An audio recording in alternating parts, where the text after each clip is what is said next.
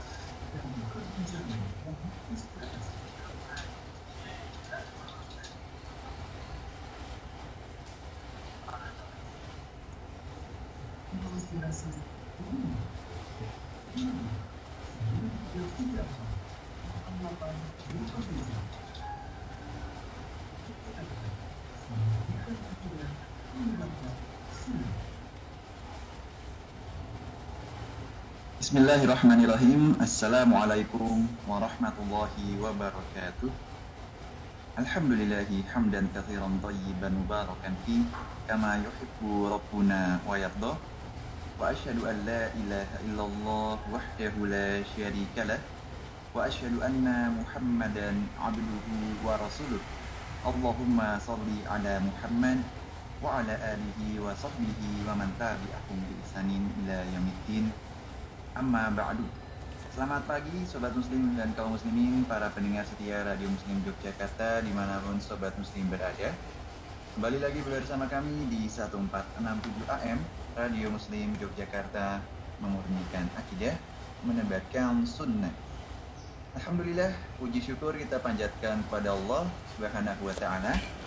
Salawat dan salam Semoga terus melimpahkan kepada Nabi kita Nabi yang mulia Rasulullah Muhammad Sallallahu Alaihi Wasallam juga untuk keluarga beliau, sahabat beliau, dan untuk orang-orang yang senantiasa istiqomah mengikuti sunnah beliau dengan baik hingga akhir zaman kelak. Allahumma amin.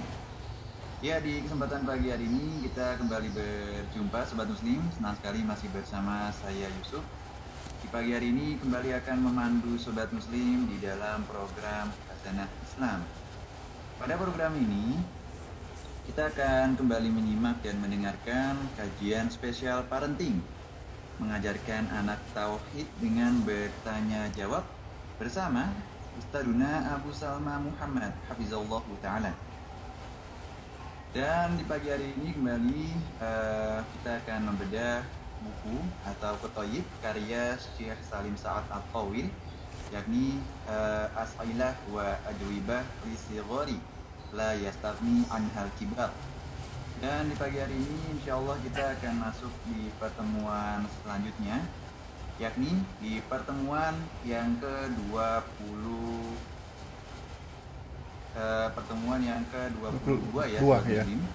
Dan uh, kembali di pagi hari ini sebagaimana informasi yang telah kami sampaikan sebelumnya Sobat Muslim dapat melayangkan pertanyaan maupun konsultasinya seputar pendidikan anak.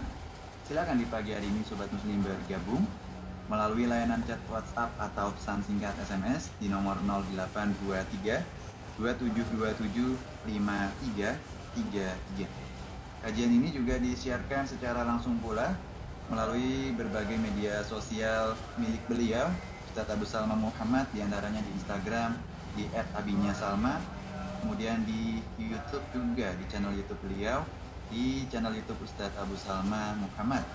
Ya, bagi para pendengar dan juga pemirsa yang menyimak melalui berbagai media yang disiarkan di pagi hari ini, silakan sobat muslim, eh, kaum muslimin semua bisa menyampaikan pertanyaan seputar parenting di pagi hari ini. Nomor interaktif Radio Muslim di 0823 2727 5333. Dan kita kali ini Alhamdulillah sudah terhubung dengan beliau. Kita akan coba menyapa terlebih dahulu beliau. Assalamualaikum warahmatullahi wabarakatuh Ustaz. Ya Waalaikumsalam warahmatullahi wabarakatuh. Mas Yusuf. kembali uh, jumpa di pagi hari ini Ustaz. Jazakallah khairan atas waktunya Ustaz. Wa jazakallah khair. Nah bagaimana kabar Ustaz Ustaz di Depok sana Uh, Damang Mas Yusuf. Alhamdulillah sehat. Masya Baik. Alhamdulillah. Alhamdulillah khair barakallahu fiik Ustaz. Dan sahabat muslim para pendengar Radio Muslim Yogyakarta rahmani wa rahmatullah. Kita kali ini telah eh, berhasil terhubung dengan beliau Ustaduna Abu Salma Muhammad Hafizullah Ta'ala melalui media Zoom dan kita akan segera menyimak dan mendengarkan kelanjutan kajian eh, spesial parenting di pagi hari ini kembali akan membahas eh, pembahasan dari uh, Qutayyib As-Ailah wa Ajwibah li Siyori la Yastagni Anha Kibar karya Syekh Salim Sa'ad At-Tawil. Dan insya Allah pembahasan selanjutnya yang akan kita bahas bersama beliau di pagi hari ini akan membahas mengenai mengajarkan anak sholat.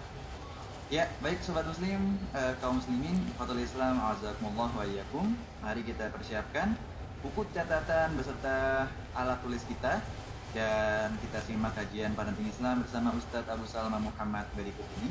Dari studio Radio Muslim Yogyakarta kami mengucapkan selamat mendengarkan dan selamat belajar pada Ustadzuna Abu Salma Muhammad. Kami persilakan Ustadz, Falia. Nah, eh, syukran Mas Yusuf, jazakallah khair. Bismillah, innal hamdalillah nahmaduhu wa nasta'inuhu wa nastaghfiruh wa natubu ilayh wa na'udzu billahi min shururi anfusina wa min sayyiati a'malina. May yahdihillah fala mudilla lahu wa may yudlil fala hadiya lahu. Asyhadu an la ilaha illallah wahdahu la syarika lah wa asyhadu anna Muhammadan abduhu wa rasuluh la nabiyya ba'dahu amma ba'du fa inna asdaqal kalami kalamullah wa khairal hadi hadi Muhammadin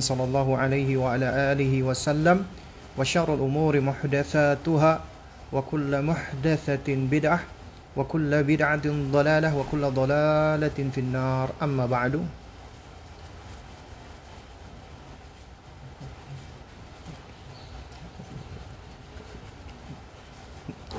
Eh, pendengar Radio Muslim Jogja yang dimuliakan Allah dan juga para pemirsa yang mengikuti kajian kita ya di Instagram ataupun di YouTube. Assalamualaikum warahmatullahi wabarakatuh.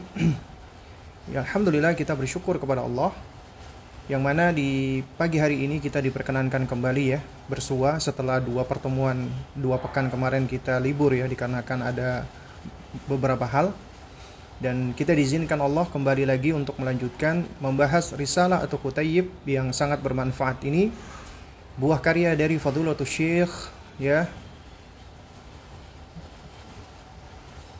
Salim bin Sa'ad At-Tawil Al-Kuwaiti hafizahullahu taala yang berjudul As'ilatu wa ajwibatu listigari ma la yastaghni anhal kibaru ya tanya jawab yang dibutuhkan anak-anak yang orang-orang dewasa juga perlu untuk mengetahuinya.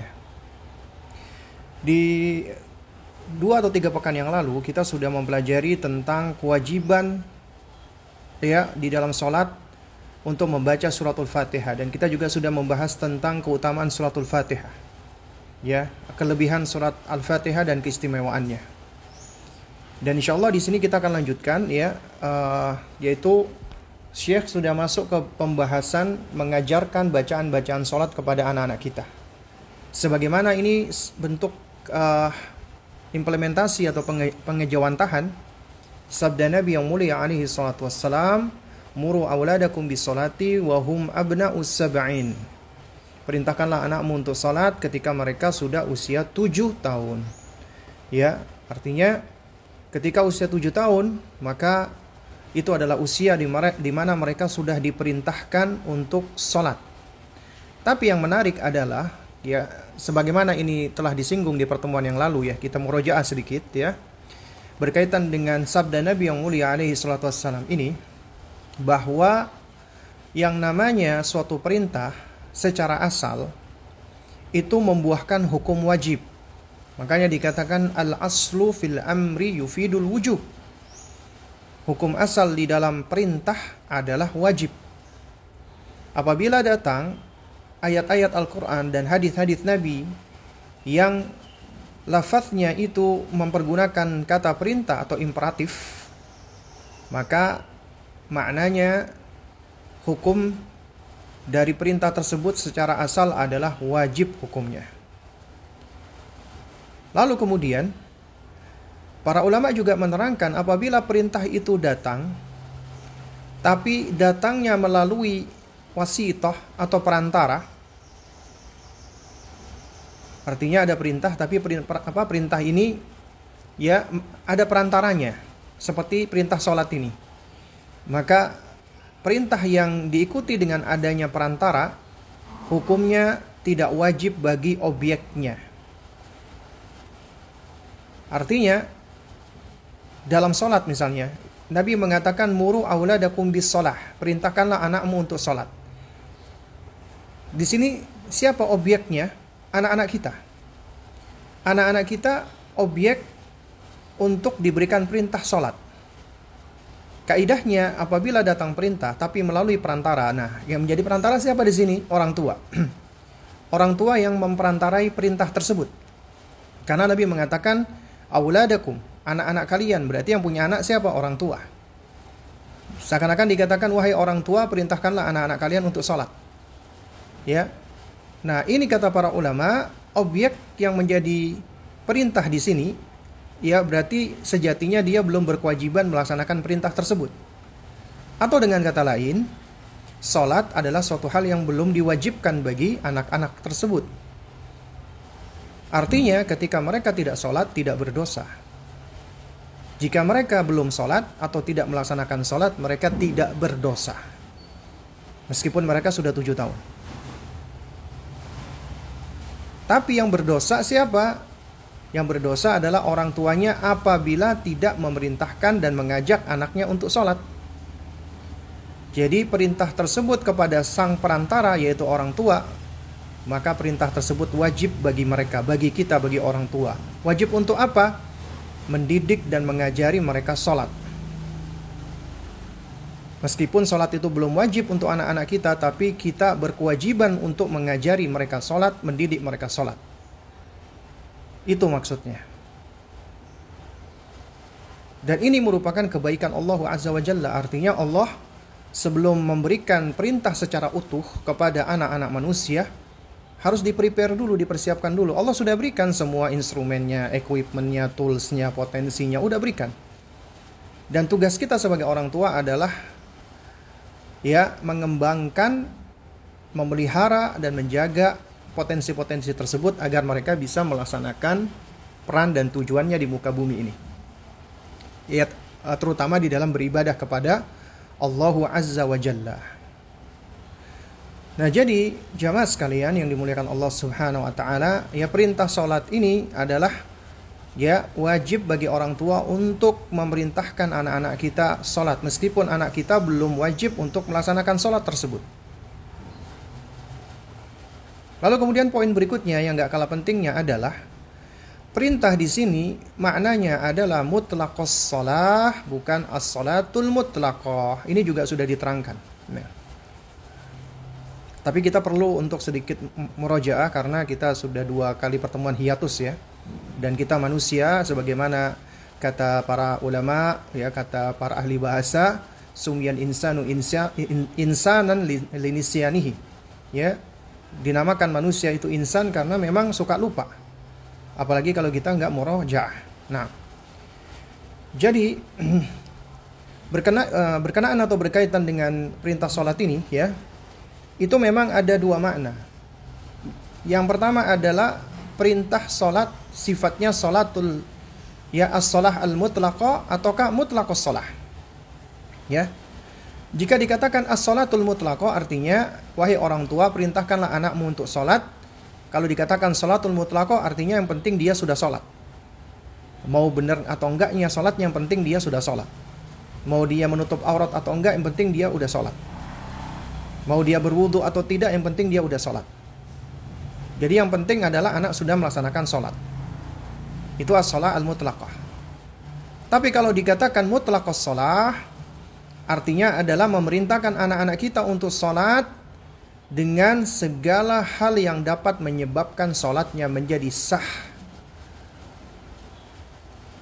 Artinya harus diterangkan, diajarkan juga hal-hal yang dapat menjadikan sholatnya sah, termasuk kewajiban-kewajiban dan sunnah-sunnahnya sholat, serta kesempurnaannya. Dan inilah makna yang lebih benar. Artinya, Muru auladakum bisolat. Perintahkanlah anakmu untuk sholat. Artinya perintahkanlah mereka untuk sholat. Dan tentunya kita nggak bisa memerintahkan sebelum kita ajarkan dan kita ajarkan sholat yang mana mereka sholatnya harus kita ajarkan cara-caranya bukan bukan cuma cara-caranya tapi juga hal-hal yang dapat menyebabkan sholatnya menjadi sah sempurna dan baik sholatnya karena itu ya sudah kita bahas di pertemuan-pertemuan yang lalu pula. Salat tidaklah akan diterima oleh Allah dan tidak sah apabila salatnya orang yang salat tersebut tidak menutup auratnya. Berarti kita harus mengajarkan aurat dan batasan-batasan aurat kepada mereka. Dan mereka harus sudah dilatih dan diajarkan untuk membiasakan diri menutup aurat. Salat tidak sah kecuali dengan harus berwudu Berarti wudhu itu termasuk syarat sahnya sholat. Artinya, apabila seseorang tidak berwudhu, maka sholatnya tidak sah. Sehingga kita wajib mengajarkan kepada anak-anak kita wudhu dan bab-bab yang berkaitan tentangnya, termasuk toharo dan yang semisalnya. Juga diajarkan tentang masalah najis atau najasah, ya, dan juga perlu diajarkan kepada mereka juga bab tentang hadas ada hadas besar, ada hadas kecil. Ini juga sudah harus diajarkan kepada mereka. Salat juga tidak sah apabila tidak menghadap kiblat. Benar, berarti harus diajarkan pula tentang hal ini, tentang konsepsi kiblat dan seterusnya. Jadi, tugas kita sebagai orang tua ketika ingin mengajarkan mereka salat dan berikut kaifiatnya, maka harus juga diajarkan segala hal yang berkaitan dengan syarat-syarat kesempurnaan dan syarat-syarat wajibnya dan syarat sahnya agar sholatnya anak kita itu bisa benar. Ya. Nah ini perkara yang penting sekali. Jadi bukan cuma sekedar nyuruh sholat, kemudian anak dibiarkan sholat begitu saja. Ya, tanpa kita terangkan dan kita jelaskan. Malah sejatinya ketika Nabi menyebutkan ya wahum abna usabain ketika mereka berusia tujuh tahun Ya, itu bukan artinya sebelum tujuh tahun anak dibiarkan aja ya udahlah masih belum diperintah sholat biarin aja mereka main-main. Bukan demikian. Tapi itu adalah fase atau momen bagi kita untuk mempersiapkan agar mereka siap beribadah sholat. Dan itu adalah momen kita membangun pondasi. Pondasinya adalah hati. Mengajarkan akidah kepada mereka agar mereka mencintai Allah. Agar mereka mencintai sholat. Agar mereka senang dengan sholat dan agar mereka ngerti tentang hakikat dan konsep daripada sholat. Sehingga ketika mereka diperintah di usia tujuh tahun, maka ya itu akan lebih uh, berbekas kepada mereka dan mereka melakukannya berangkat dari mubadaro atau inisiatif dari mereka, bukan sekedar diperintah-perintah atau disuruh-suruh. Itu tentunya yang kita harapkan. Nah, baik jamaah sekalian menggunakan Allah, ya di bahasan kita pada pagi hari ini kita akan membahas tentang ya bacaan-bacaan uh, kaifiat sholat yang perlu kita ajarkan kepada anak-anak kita secara sederhana. Ya. Di pertemuan yang lalu kita sudah belajar tentang apa yang wajib dibaca ketika sholat yaitu Al-Fatihah karena memang ini harus dibaca, wajib dibaca Al-Fatihah karena apabila tidak dibaca sholatnya bisa menjadi tidak sah, harus diulangi. Lalu kemudian ya setelah itu yang perlu kita ajarkan adalah ya kaifiat sholat yang diawali dari berdiri kiam, kemudian takbiratul ihram, kemudian membaca ya sunnahnya salat yaitu membaca istiftah atau iftitah. Lalu kemudian membaca Al-Fatihah itu adalah suatu hal yang wajib merupakan rukun. Lalu kemudian membaca surat apa pun yang mudah ini sunnah baru kemudian ruku. Nah, ketika ruku harus diajarkan tentang ruku itu sendiri bagaimana gerakannya, bagaimana sifatnya, bagaimana caranya, bagaimana bentuknya. Maksudnya bentuknya ruku. Ya. Termasuk juga bacaannya. Setelah seseorang kiam berdiri dan membaca surat lain atau membaca Al-Fatihah, lalu kemudian ketika dia bergerak, ya, maka ketika bergerak itu dianjurkan dia untuk bertakbir dan ya mengangkat tangannya. Mengangkat tangan secuping telinga ataupun sebahu. Kemudian baru dia meletakkan jari jemarinya menggenggam lututnya atau diletakkan di atas lututnya. Lalu kemudian dia berusaha untuk meluruskan ya tulang punggungnya. dan diam sejenak hingga tulang-tulang punggungnya itu ya uh, sendi-sendinya uh, apa telah kembali ke tempat masing-masing baru kemudian dia bertasbih kepada Allah. Ajarkan untuk membaca subhana rabbiyal azim. Ini bacaan yang paling mudah. Subhana rabbiyal azim. Artinya maha suci Allah Rabbku yang maha agung. Jamaah sekalian yang dimuliakan Allah ketika seseorang ruku berarti dia membungkukkan separuh anggota tubuhnya. Berarti kita merendahkan diri kita. Dan kita merendahkan diri di hadapan Allah dengan membungkukkan separuh anggota tubuh kita. Kalau kita perhatikan orang-orang Jepang itu sering kali membungkukkan anggota tubuh mereka sebagai penghormatan kepada orang lain. Kita hanya membungkukkan tubuh kita kepada pencipta kita Allah Subhanahu wa taala. Kita tidak membungkukkan diri di hadapan orang lain meskipun itu tradisi ataupun budaya. Karena membungkukkan diri adalah termasuk bentuk kita menghinakan diri kita dan kita tidak menghinakan diri kecuali hanya kepada Allah Azza wa Jalla. Karena itu makanya kita menghindarkan diri untuk membungkukkan tubuh kita di hadapan siapa pun. Termasuk orang-orang tua atau orang-orang yang kita cintai. Karena menghormati mereka tidak mesti harus dengan membungkukkan tubuh kita bisa menjabat tangannya, mencium tangannya, ya, atau kita apa namanya memeluk dia, ya, ya, asalkan itu ya bukan yang mahrom ya, uh, apa namanya uh, di dalam melakukan hal ini.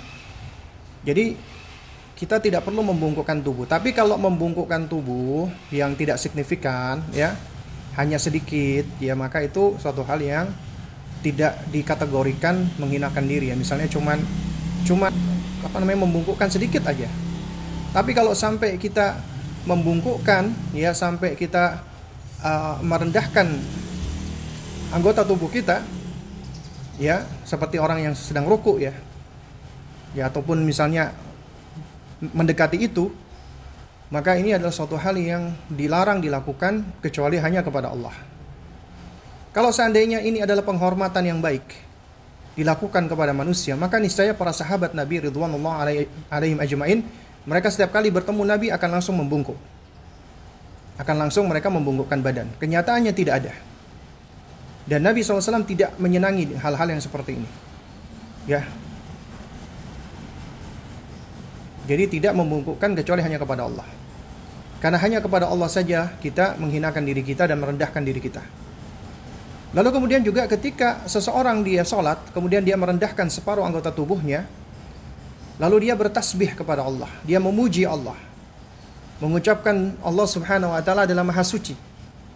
Suci dari segala kekurangan. Suci dari segala ya ketidaksempurnaan.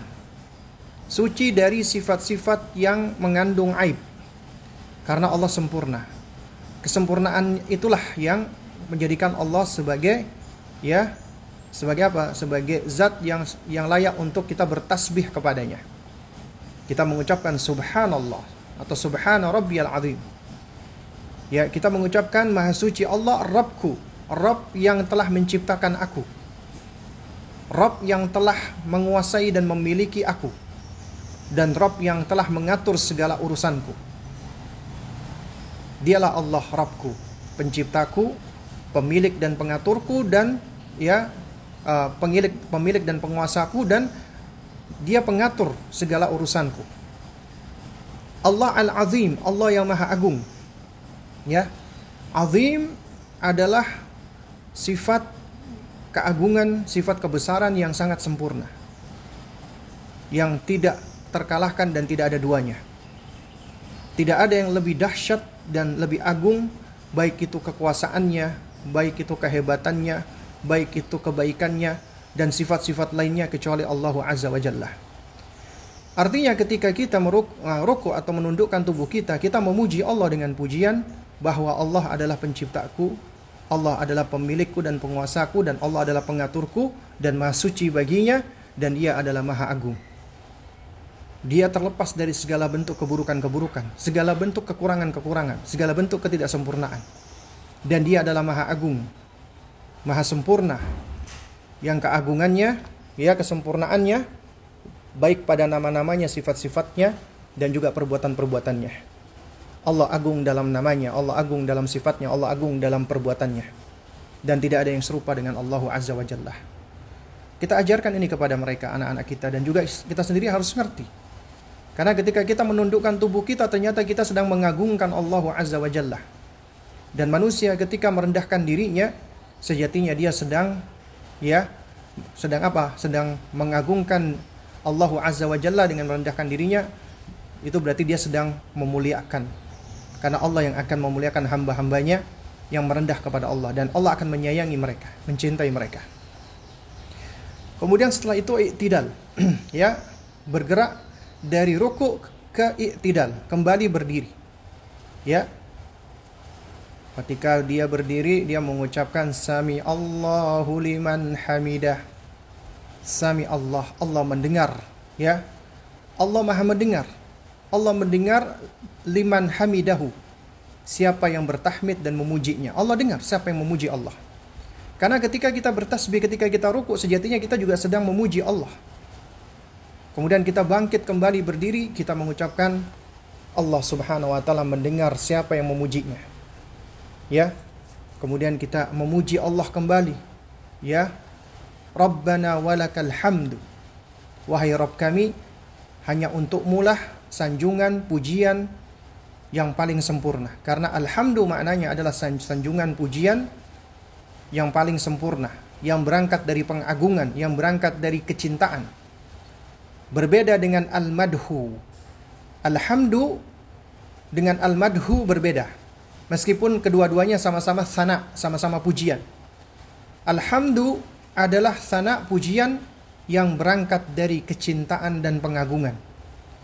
Karena ketika seorang hamba dia belajar mempelajari Allah beserta nama-nama dan sifat-sifatnya, maka siapa pun makhluk yang semakin mengenal dan mempelajari nama-nama Allah dan sifat-sifatnya yang sempurna, akan semakin takjub dia kepada Allah.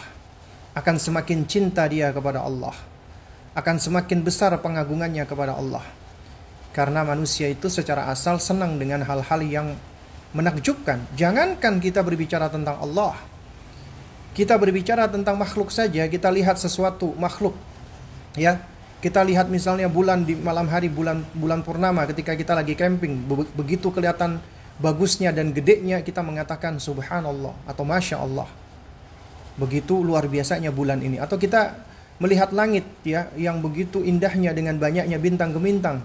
Kemudian kita pun juga takjub dengannya. Atau kita berada di lautan atau kita di pantai kita melihat matahari terbit, matahari tenggelam begitu indahnya kita takjub dengannya. Atau kita melihat ya dari atas misalnya ketika kita sedang naik pesawat kemudian kita melihat uh, dari atas itu bagaimana bumi itu apa terhampar dengan begitu indahnya, kita takjub dengannya. Dengan makhluk saja kita bisa takjub. Ya. Dengan makhluk ini kita bisa takjub, kita bisa kagum. Padahal itu ciptaan Allah. Dan itu tidak sempurna dan itu banyak kekurangannya. Karena hanya Allah lah yang memiliki segala kesempurnaan yang terlepas dan terbebas dari kekurangan. Lantas bagaimana apabila seorang hamba dia mengenal, mempelajari dan berusaha untuk mengetahui penciptanya. Ya, sebagaimana yang Allah Subhanahu wa taala terangkan di dalam Al-Qur'an, kitabnya dan juga diterangkan oleh Rasulullah SAW di dalam hadisnya.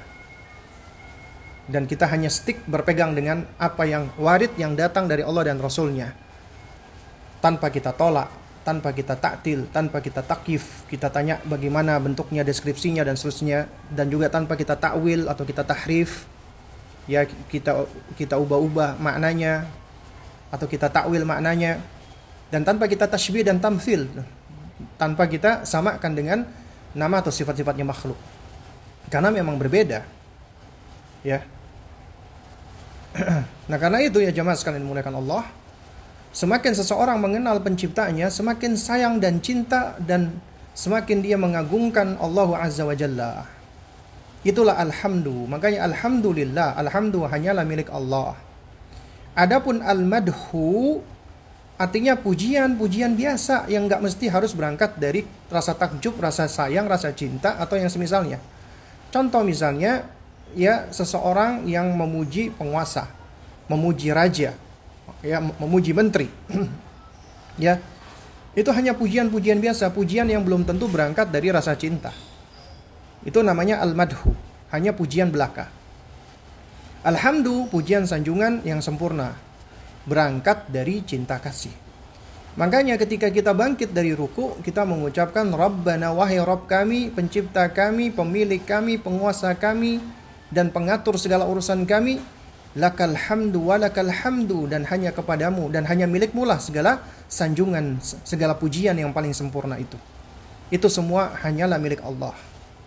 Dan kita bertahmid dan kita menyanjung dan kita memuji Allah. Dan ketika kita sholat, kita sedang bersyukur kepada Allah. Karena sholat di antara wujud syukur kita kepada Allah atas segala karunia yang Allah berikan. Bahkan salat itu sendiri adalah karunia. Karena salat dengan salat kita bisa berbicara, berkomunikasi dengan pencipta kita Allah dan Allah yang berikan cara tersebut kepada Nabi secara eksklusif ketika Nabi dimi'rajkan ketemu dengan Allah Azza wa Jalla di langit yang ketujuh di Sidratul Muntaha. Allah berikan perintah salat tersebut langsung kepada Nabi Allah Muhammad SAW tanpa melalui perantaraan malaikat Jibril.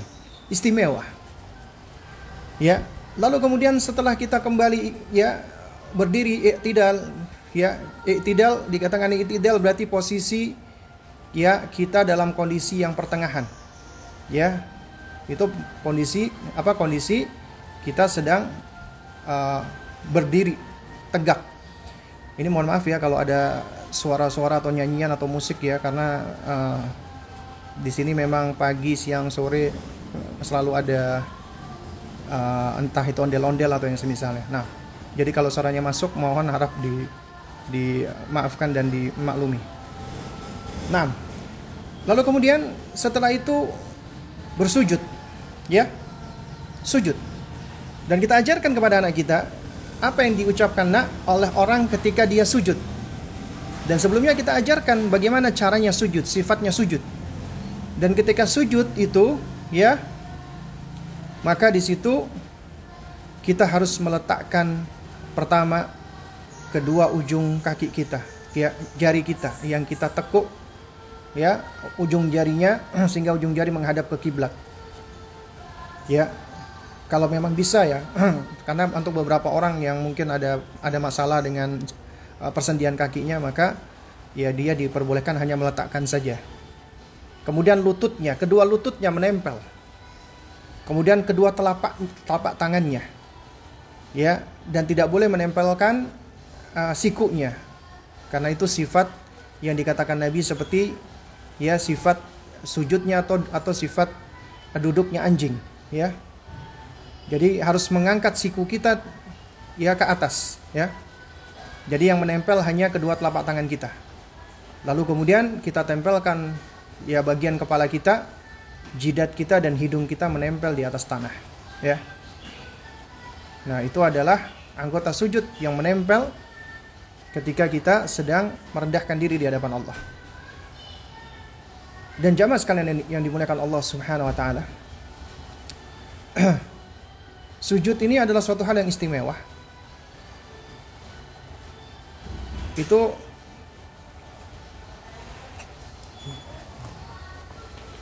uh, beberapa waktu yang lalu ya, saya sempat melihat sebuah video video uh, ada seorang dari Amerika. Dia asalnya Nigeria, kemudian uh, dia tinggal di Amerika dan dia asalnya adalah seorang Kristen apa Roma. Lalu kemudian dia sering melakukan video-video apa reaksi ya uh, dengan bacaan Quran dan yang semisalnya. Lalu kemudian Allah Subhanahu wa taala berikan hidayah. Allah berikan hidayah, akhirnya dia masuk Islam. Alhamdulillah. Ya, kita bersyukur kepada Allah. Dan tak lama kemudian, ya kurang lebih beberapa pekan yang lalu dia bikin video menjelaskan tentang five reasons, lima alasan kenapa dia masuk Islam. Nah, di antaranya adalah ya itu alasan yang ketiga kalau nggak salah dia sebutkan adalah praying, cara sholatnya Islam itu luar biasa. Berbeda. Karena dulu dia sebelum masuk Islam, sembayangnya dia itu cuma duduk, berdiri, duduk, berdiri, bernyanyi. Tapi di dalam Islam, bukan hanya dia harus sholat lima kali sehari yang itu katanya akan membangun uh, kesehatan secara spiritual ya tapi juga gerakan sholatnya itu luar biasa. Dan dia mengatakan tidak ada satupun agama di muka bumi ini itu yang cara sembahyangnya, cara sholatnya seperti Islam. Dan menurut dia itu yang paling luar biasa ketika dia sujud katanya. Karena dia harus meletakkan anggota tubuhnya yang paling tinggi diletakkan sama dengan anggota tubuhnya yang paling rendah. Itu menunjukkan sejatinya bahwasanya kita ini hamba adalah rendah dan hina. Dan kita rendah dan hina di hadapan pencipta kita. Karena itu, siapa yang menghinakan dirinya dan merendahkan dirinya di hadapan penciptanya itulah kemuliaan. Mulia dia. Tapi apabila dia menghinakan dirinya, merendahkan dirinya di hadapan makhluk, di hadapan selain Allah, maka sejatinya dia hina. Dia rendah. Tapi di hadapan Allah dia mulia. Dia tinggi kedudukannya. Karena ketika sujud itulah yang disampaikan oleh baginda Nabi yang mulia alaihi salatu wassalam adalah aqrabu ya ma Allah wa, wa bainal abdi ya adalah kondisi yang paling akrab paling dekat antara so, antara Allah Subhanahu wa taala dengan seorang hamba adalah ketika dia sujud ketika dia sedang bersimpuh meletakkan kepala ya kedua telapak tangan, lutut dan kedua apa namanya ujung kakinya kehadirat Allah Subhanahu wa taala. Ya. Dan dia sedang merendahkan dirinya di hadapan Allah. Dan itu adalah kondisi yang paling dekat dengan Allah Subhanahu wa taala.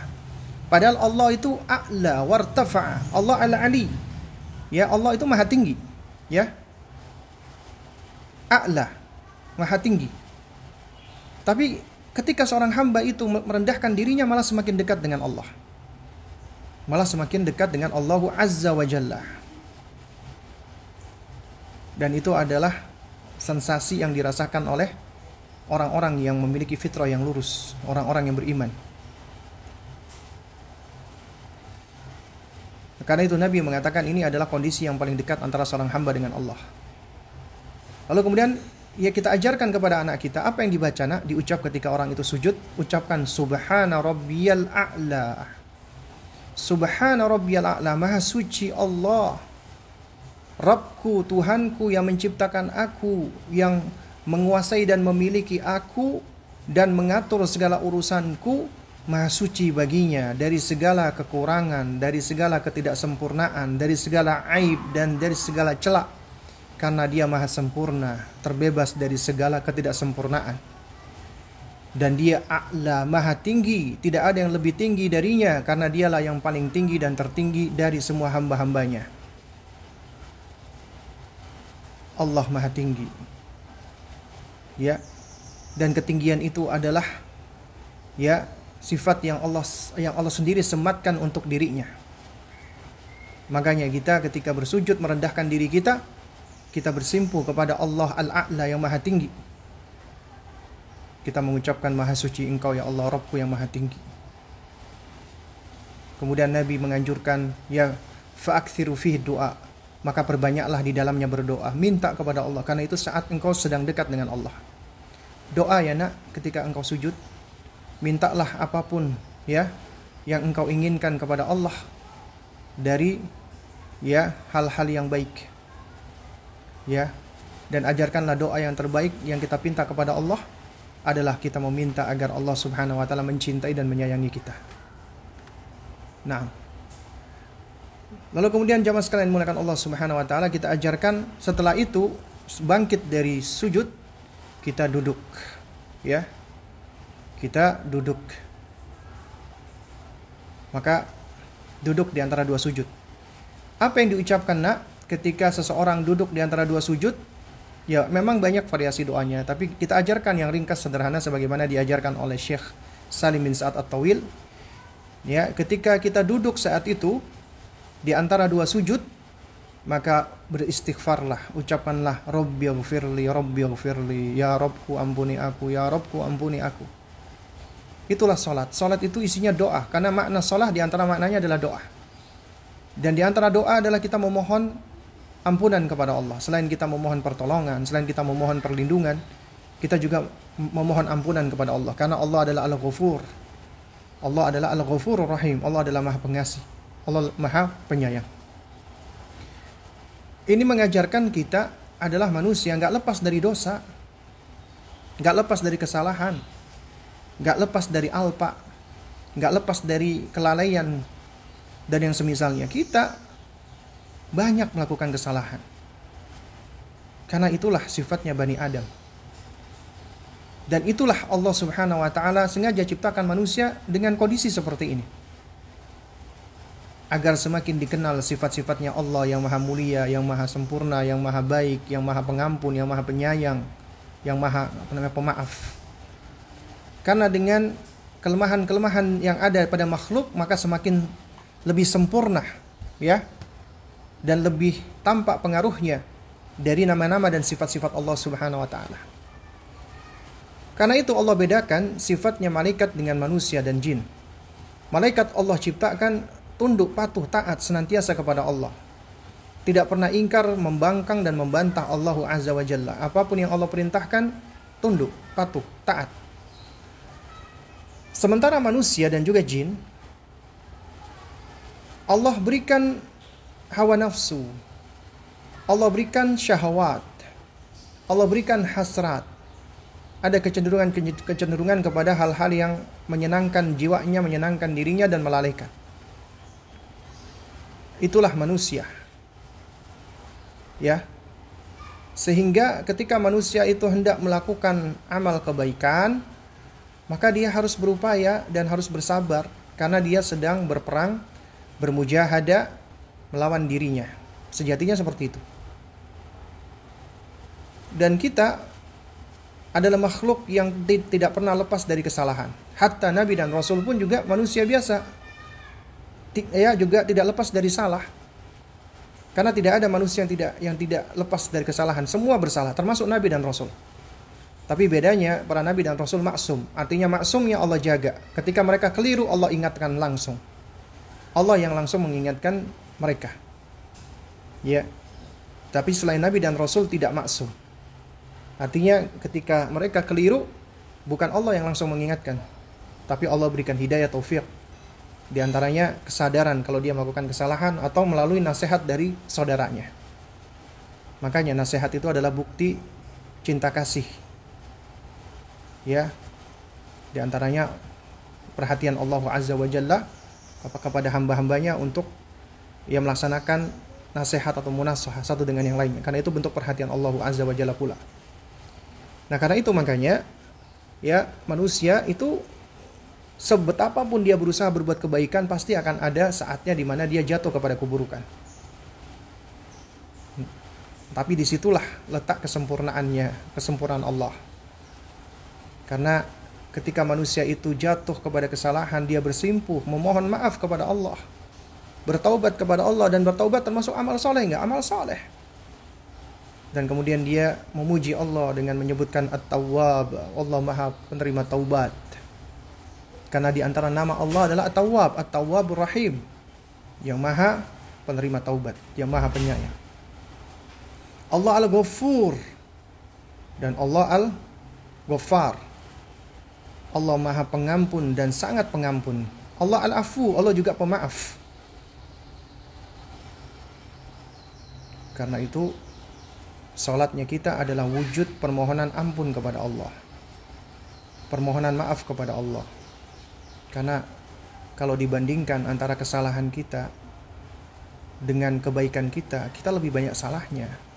Kita lebih banyak kurangnya, kita lebih banyak lalainya, kita lebih banyak abainya. Tapi Allah Maha baik. Ya.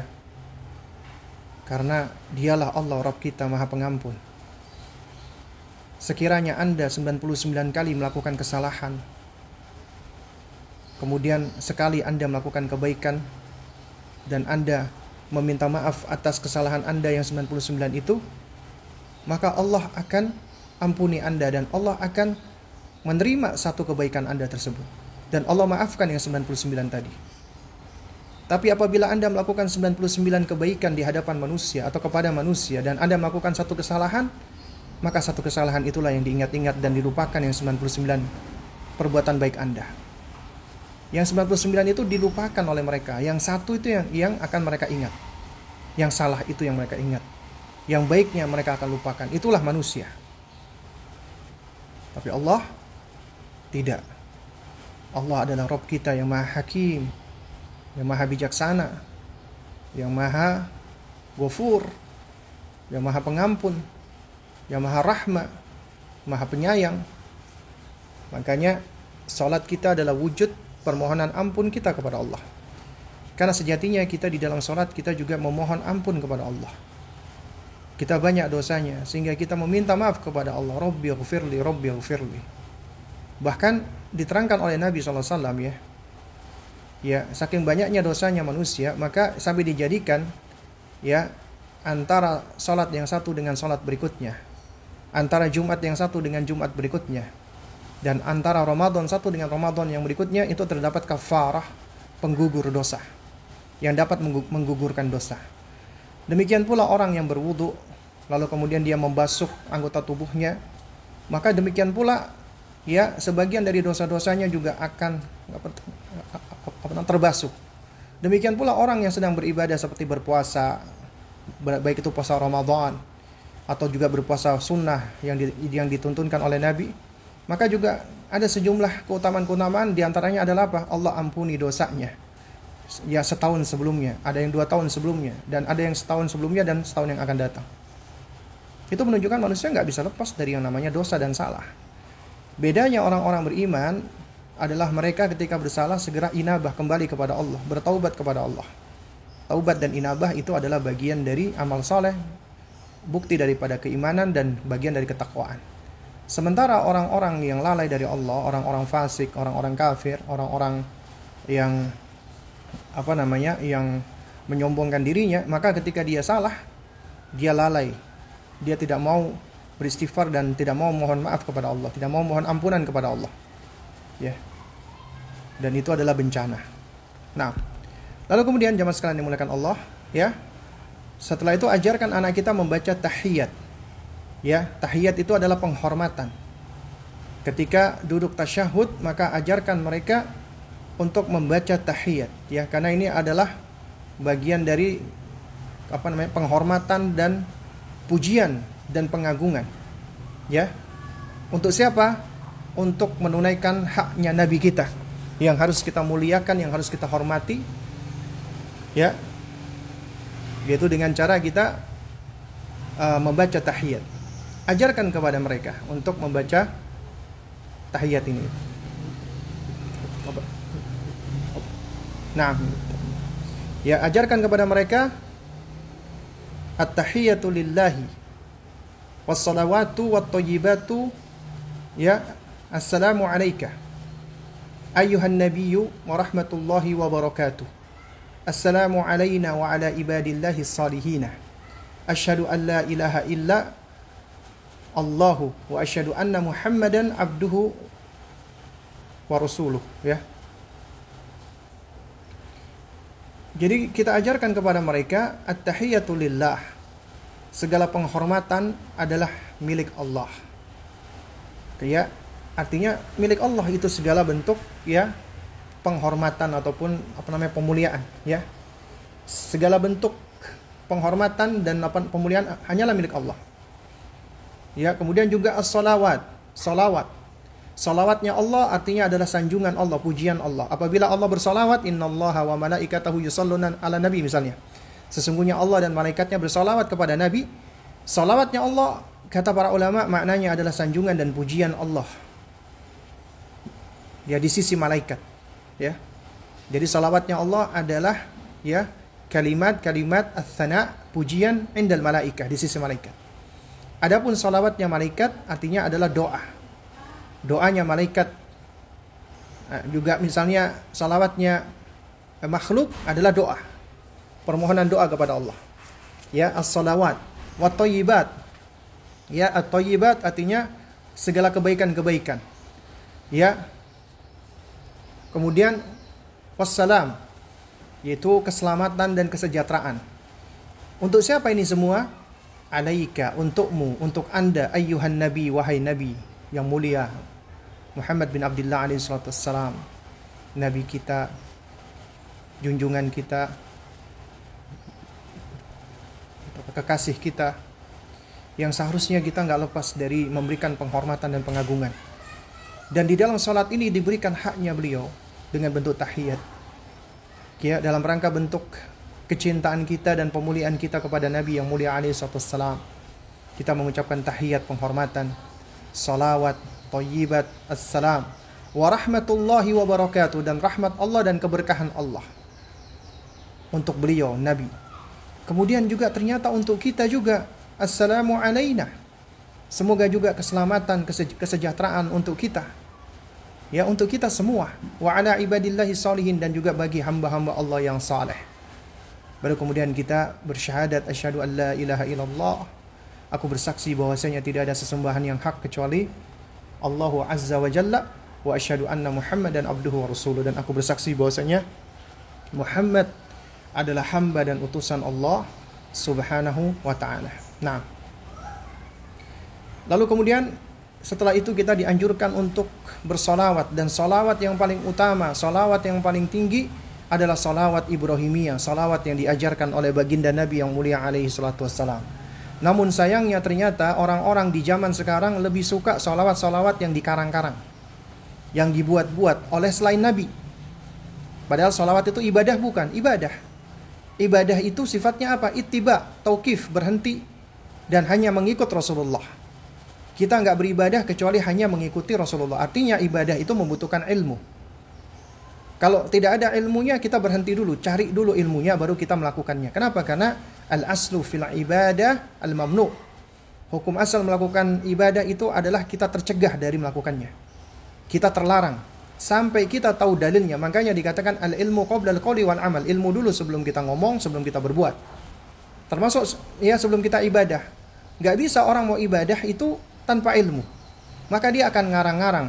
Gak bisa orang beribadah itu dia berkreasi sendiri berinovasi sendiri.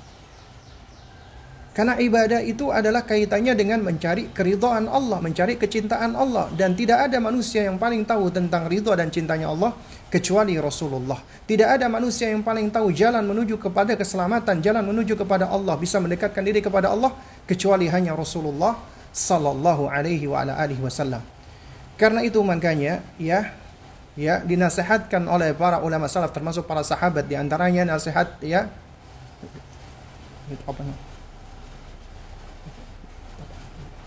Abdullah bin Umar radhiyallahu taala anhuma atau atau saya lupa ya, atau Abdullah bin Mas'ud yang mengatakan ittabi'u wa la tabtadi'u. Ikutilah, teladanilah, contohlah. Wala tabtadi'u, janganlah kamu mengada-ada. Janganlah kamu ngarang-ngarang. Janganlah kamu berkreasi di dalam ibadah. Fakot kufitum karena kamu sudah dipenuhi dan sudah dicukupi. Agama ini sudah sempurna. Ya. Kenapa kita nggak mencukupkan apa yang datang dari Rasulullah Sallallahu Alaihi Wasallam? Malah sejatinya apabila kita mencukupkan dengan apa yang ada dari Rasulullah, belum tentu kita sanggup loh untuk mengamalkan semuanya. Lalu kenapa kita malah mencari-cari ibadah-ibadah yang tidak berasal dari Rasulullah? Yang dikarang-karang oleh manusia-manusia selain Rasulullah. Ya. Padahal nabi kita, rasul kita satu, Muhammad sallallahu alaihi wasallam yang wajib kita ikuti, wajib kita teladani. Makanya di antara makna syahadat Muhammad Rasulullah adalah la matbu'a bihaqqin illa Muhammad. Tidak ada teladan, tidak ada contoh. Ya, yang paling benar untuk kita tiru dan kita contoh kecuali hanya Rasulullah sallallahu alaihi wa alihi wasallam termasuk di dalam salawat ya salawat bagian dari doa bagian dari pujian kepada Rasulullah bagian dari ibadah. Harus mencontoh Rasulullah harus mengikuti Rasulullah. Nggak boleh ngarang-ngarang nggak boleh kita menciptakan pujian-pujian sendiri kemudian kita nyanyikan kemudian kita ajarkan kemudian kita ramekan kemudian diiringi musik kemudian ini dan itu wal billah Kewajiban kita hanya ittiba. Ajarkan ini pula kepada anak-anak kita. Ajarkan mereka untuk bersolawat Ibrahimiyah karena di dalam solawat ini mengandung pujian kepada ya bapak buyutnya Nabi kita, datuknya Nabi kita, Nabiullah Ibrahim alaihissalam, Khalilullah kekasih Allah yang dipuji oleh Allah Azza wa Jalla yang mana para nabi dan rasul itu ya mereka banyak mengikuti millahnya beliau millah yang dipuji oleh Allah sebagai millah yang hanif berada di atas Hanafiyah. Ya. Baca salawat Ibrahimiyah sebagaimana yang diajarkan oleh Nabi.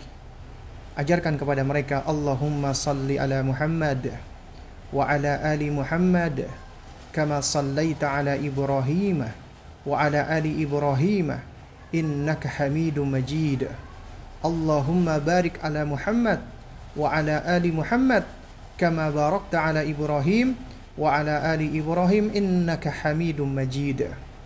Ya Allah berikanlah salawatmu untuk Muhammad dan kepada keluarga Muhammad sebagaimana engkau memberikan salawat kepada Ibrahim dan keluarga beliau. Sesungguhnya engkau adalah yang maha terpuji ya. Ya Allah berikanlah keberkahan untuk Nabi kita Muhammad dan kepada keluarga beliau, keluarga Nabi Muhammad sebagaimana engkau memberikan keberkahan kepada Ibrahim dan kepada keluarga Ibrahim. Sesungguhnya engkau ya Allah adalah Hamidum Majid ya. Engkau adalah maha terpuji lagi maha mulia. Nah, jadi jamaah sekalian yang dimuliakan Allah Subhanahu wa taala ya Inilah yang harusnya kita ajarkan kepada mereka, salat. Kemudian ini yang terakhir dari bahasan kita, ajarkan mereka berdoa. Doa yang dibaca setelah tahiyat dan salawat sebelum salam. Ya, ini diajarkan oleh Nabi. Makanya diajarkan apa di uh, uh, dijadikan sebagai salah satu bab yang perlu ditanyakan kepada anak kita adalah sebutkan nak empat hal yang dianjurkan bagi seseorang yang salat agar dia memohon perlindungan darinya ketika sebelum salam yaitu ucapkan Allahumma a'udzubika Allahumma a'udzubika min adzabi jahannam wa min adzabil qabri wa min fitnatil mahya wal mamati wa min fitnatil ya aku berlindung kepadamu dari siksa jahannam siksa neraka. Ya aku berlindung kepadamu ya Allah dari siksa kubur. Aku bersim, aku berlindung kepadamu dari fitnah kehidupan dan fitnah kematian dan aku berlindung kepadamu ya Allah dari fitnahnya Al-Masih Ad-Dajjal. Ini adalah empat hal yang sepatutnya kita ajarkan mereka berlindung darinya agar mereka takut ketika mereka nanti mendapatkan kemurkaan Allah sehingga mereka ya di, dihukum oleh Allah, diadab oleh Allah, dimasukkan ke dalam jahanam. Karena itu kita memohon perlindungan kepada Allah. Ya, ya Allah lindungilah kami, ya Allah jagalah kami agar kami tidak masuk ke dalam jahanam. Itu itu yang paling ngeri. Dan yang kedua adalah lindungi kami ya Allah dari adab kubur. Dan lindungi kami dari fitnah kehidupan dan fitnah kematian. Di antara fitnah hidup yaitu tadi, fitnah kehidupan ini banyak. Ya, yang mana itu dapat menyebabkan kita lalai dan lupa dari Allah bahkan dapat menyebabkan kita menjauh dari Allah.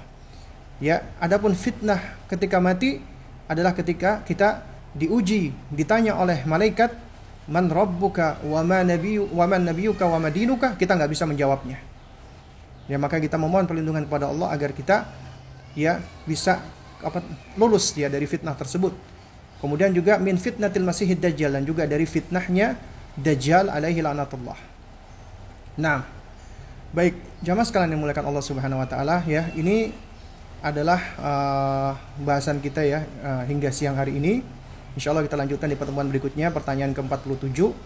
Mudah-mudahan yang sedikit ini bisa memberikan manfaatnya ya. Dan ini karena sudah pukul 9.57 ya.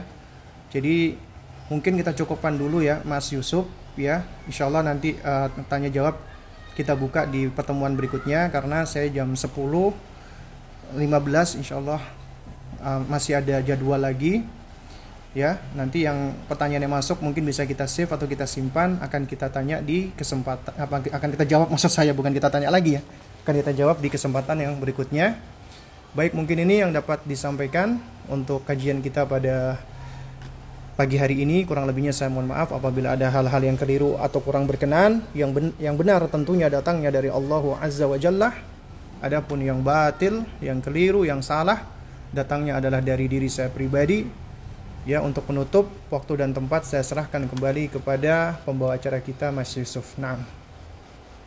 Baik, Mas. khairan Ustaz. Uh, ya, terima kasih Ustaz atas uh, waktu, kesediaan waktu dan juga kesempatan yang telah diluangkan di kesempatan pagi hari ini untuk memberikan kami semua ilmu